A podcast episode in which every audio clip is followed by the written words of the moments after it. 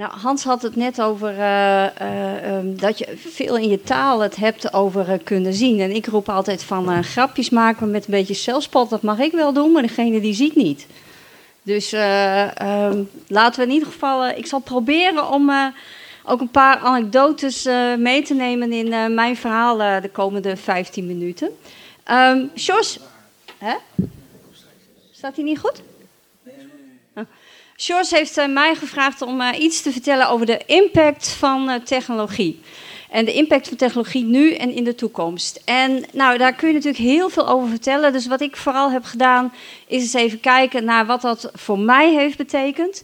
En ik probeer u daarmee een klein beetje aan het denken te zetten voor uw eigen situatie. En misschien ziet u zelf slecht of niet. En misschien heeft u ermee te maken. Maar misschien helpt het u om een beetje op een andere manier te kijken. Um, ik moet ze nu en dan even op mijn uh, iPad kijken. Want ja, we, kunnen het natuurlijk, uh, we gaan het natuurlijk vandaag niet doen met allerlei prachtige PowerPoint-presentaties. Uh, want ook u zult er vaak mee te maken hebben dat je dan weer naar een presentatie moet kijken waarvan jij denkt. Oké, ik hoop dat degene die presenteert een goed verhaal heeft, want de PowerPoint die kan ik helemaal niet lezen. Um, als je kijkt naar technologie, dan heb ik even een, gezocht naar een, een goede definitie. En voor mij uh, gaat het vandaag over dat technologie is op het, het op een systematische manier toepassen van nieuwe natuurwetenschappelijke of allerlei andere soorten van georganiseerde kennis ten behoeve van praktische toepassingen, praktische doeleinden. En daar wil ik het ook graag over hebben. Zoals ik al zei, uh, voor mij is technologie eigenlijk ontzettend belangrijk geweest.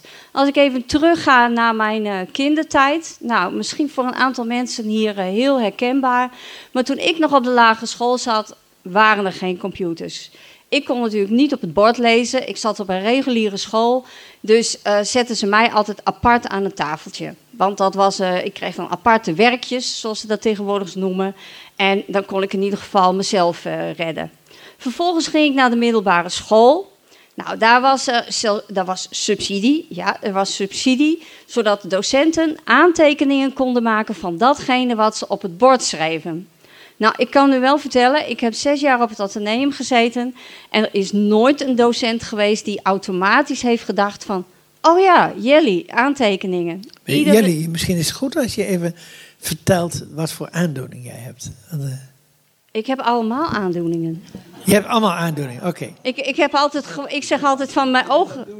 Ja, ik zeg altijd, mijn ogen zijn een beetje verrot. Ik, uh, ik ben geboren met uh, witte vlekken op mijn netvlies, zoals uh, dat mij ooit is verteld. Ik ben geopereerd, maar dat is niet helemaal goed gegaan.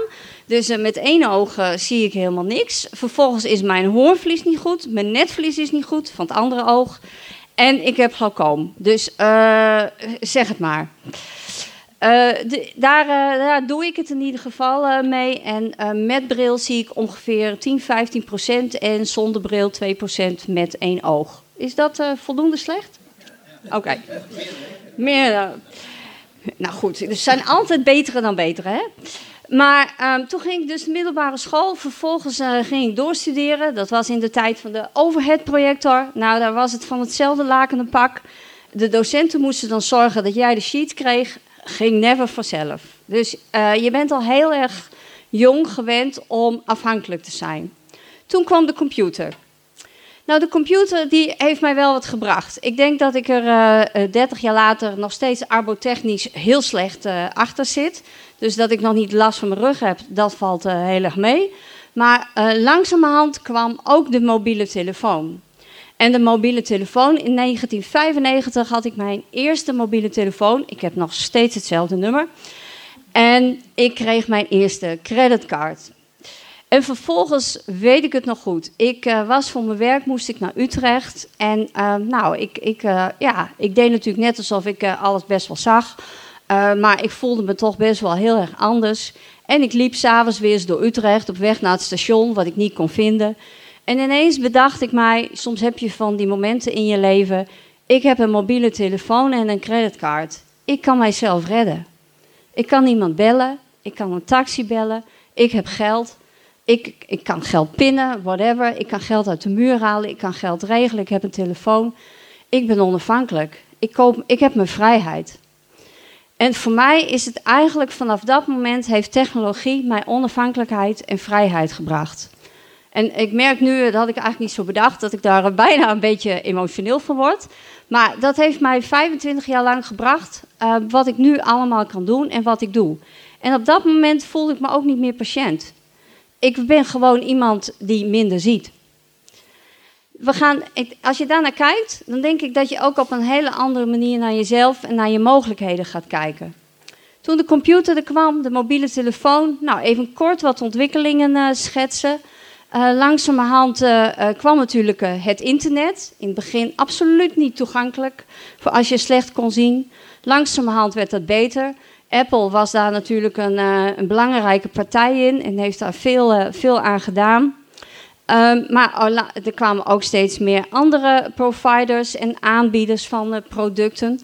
na een tijdje uh, um, kwam er de smartphone. Nou, ik weet niet of u hem nog kent, maar ik was helemaal fan van de BlackBerry. Want daar kon je, ik kon er blind op typen, riep ik altijd. Want dan zat ik in een vergadering en dan kon ik ondertussen mailtjes typen. Dus uh, ik vind nog steeds dat de BlackBerry terug, terug moet komen. Maar goed, het gaat niet gebeuren omdat Jelly Teams maar dat graag wil, helaas. Um, en, en er gebeurde meer. Ik ga dus even kijken wat ik hier allemaal heb opgeschreven om eens even te zien wat dat allemaal was. We kregen de screenreaders. Waardoor uh, je software kon laten voorlezen. Nou, dat ging soms zo snel dat je, andere, dat je mensen die daarmee werkten helemaal niet kon volgen. We kregen de webbox, waarbij je natuurlijk eenvoudig en op een hele simpele manier allerlei kranten en boeken en andere content tot je kon laten komen. Er kwamen gesproken boeken. Nou, ik zei het zo straks al even. Je kunt nu bij, het heet nu geloof ik bibliotheekservice passend lezen, kun je boeken, kranten in allerlei leesvormen bestellen om te zorgen dat ook al die informatie toegankelijk wordt. Er kwam software waarmee automatisch tekst wordt voorgelezen. Er kwam langzamerhand verbeterde toegankelijkheid van het internet. Er kwamen Europese en landelijke richtlijnen over digitale toegankelijkheid. Stichting Accessibility doet daar heel veel aan. Um, er kwamen betere, de toegankelijkheid van systemen als Windows en dergelijke werd, werd en wordt steeds beter. Uh, werken met contrast bijvoorbeeld, nou dat is voor heel veel mensen al een uh, grote uitkomst. Zelf wat ik erg heel leuk vind, een van de nieuwste ontwikkelingen, dat is de Hebel.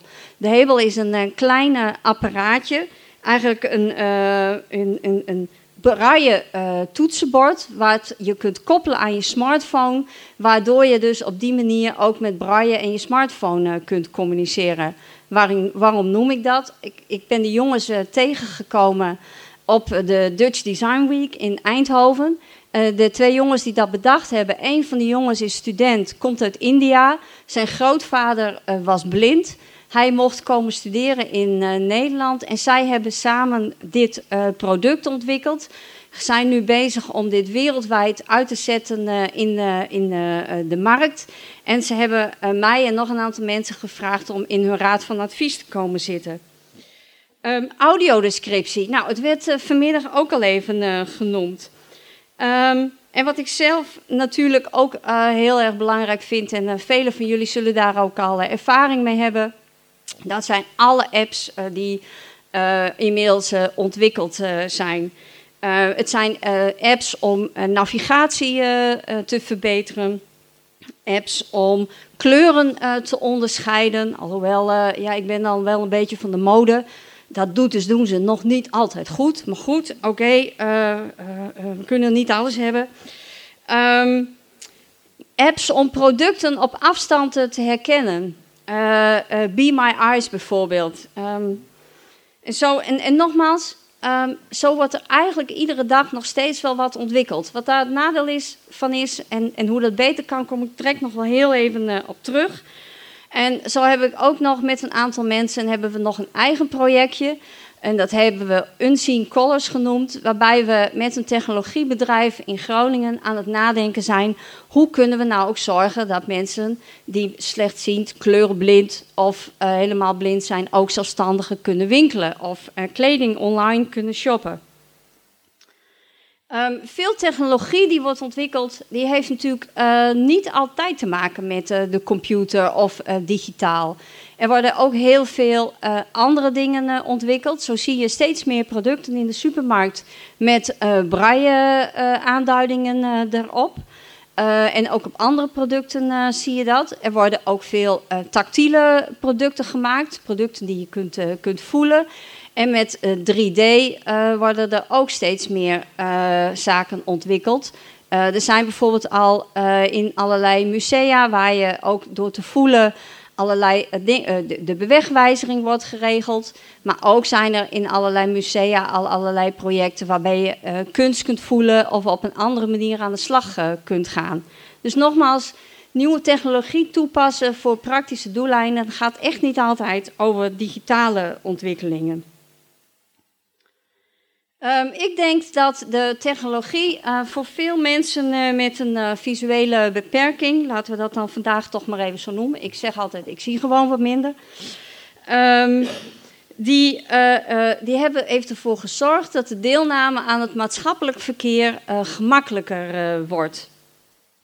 En dat je wereld ook groter wordt. Nou, eigenlijk wat ook in een aantal voorgaande verhalen al werd gezegd.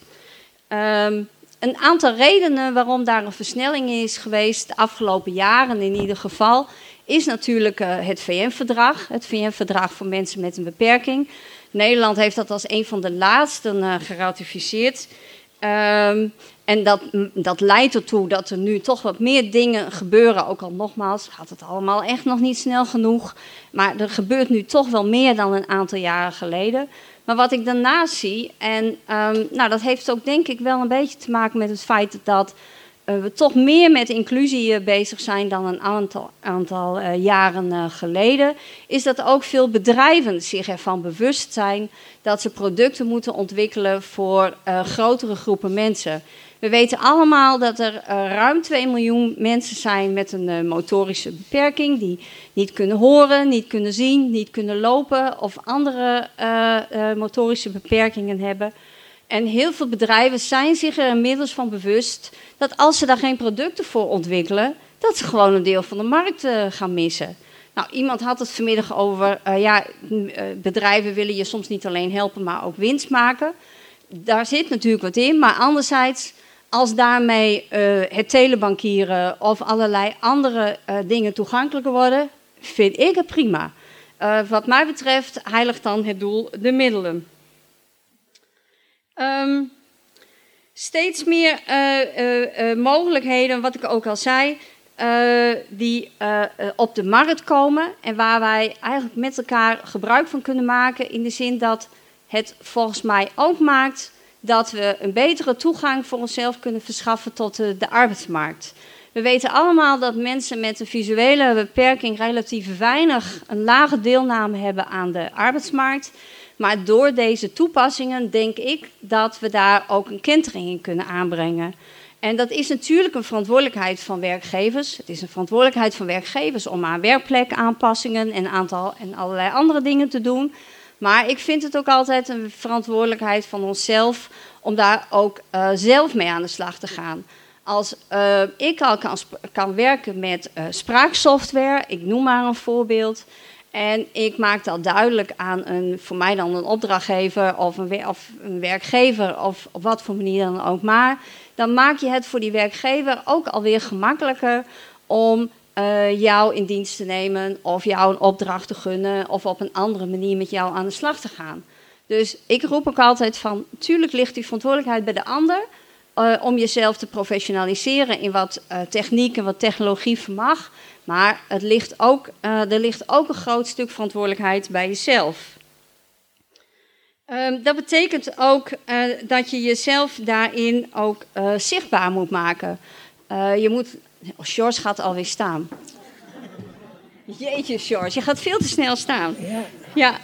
Goed, ik, uh, ik ga langzaam dan over naar de toekomst. ik denk, um, dat is ook al eerder gezegd vanmiddag, dat gepersonaliseerde technologie voor een deel ook de toekomst heeft. En dat technologie sowieso nog heel veel meer impact zal hebben uh, op ons uh, de komende jaren en dat dat onze mogelijkheden en onze wereld zal vergroten. Maar wat ik belangrijk vind om te zeggen is dat het natuurlijk nooit de mens uh, zal vervangen. In die zin dat het wel kan betekenen dat we onszelf misschien andere vaardigheden moeten aanleren om met die technologie om te gaan. En dat kan ook gelden voor onze omgeving. Um, wat ik zelf ook daarbij belangrijk vind, is uh, uh, om te zeggen, om te kijken van hoe kunnen wij inderdaad bijdragen aan uh, die verdere verbetering van de technologie. Nou, ik denk dat er een aantal uh, zaken zijn die we kunnen doen. Een belangrijk woord voor mij daarbij is altijd inlevingsvermogen. ik moet me proberen in te leven in degene die die technologie kan ontwikkelen. En ik wil graag dat die ander zich probeert in te leven in mij. Wat het voor mij betekent om minder goed te kunnen zien. Uh, of wellicht om uh, blind te zijn of uh, whatever. Um, dat betekent ook dat je jezelf zichtbaar moet maken. En het werd vanmiddag ook al een keer gezegd door een van de mensen die iets zei over pretletters. Voor mij betekent dat ook dat de wereld van mensen met visuele beperkingen zich nog uh, steviger zal moeten opstellen. Ik denk dat er inderdaad nog heel veel verschillende clubs zijn die met een heleboel mooie dingen bezig zijn. Maar dat we ook in, in, in, in, die, in onze wereld, in die wereld moeten kijken naar wat kunnen we uh, samen doen. En ik denk dat we daar uh, zichtbaarder in kunnen worden en onze eigen inbreng daarmee verder kunnen professionaliseren.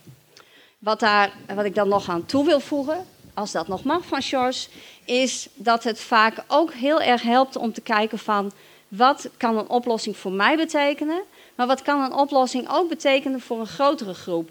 Gisteravond las ik nog, las ik nog weer een artikel van um, een goede website voor blinden en slechtzienden van de gemeente Epe is niet alleen goed voor de mensen die blind en slechtziend zijn, maar voor alle inwoners. Heel vaak is het namelijk zo dat een product op die manier ook toegankelijker wordt voor uh, uh, een grotere groep mensen dan wij ons vaak bewust zijn. En ook daarvan vind ik uh, het doel heiligt de middelen. Als we iets kunnen ontwikkelen waarmee we ook een grotere groep een plezier kunnen doen, nou laten we dat argument in de strijd gooien, als het maar geregeld wordt. Daar zeg je een heel belangrijk woord, want daar is Benny natuurlijk ook, ook de man om te zeggen van nou, uh, uh, als je dingen aanpast aan slechtzienden, dan hebben zienden er ook wat aan. Nou ja, ik denk dat samengevat technologie voor mij de wereld groter heeft gemaakt. Dat technologie voor mij heeft gezorgd dat ik me vrijer en onafhankelijker kan voelen. Ik gun dat een heleboel mensen ook.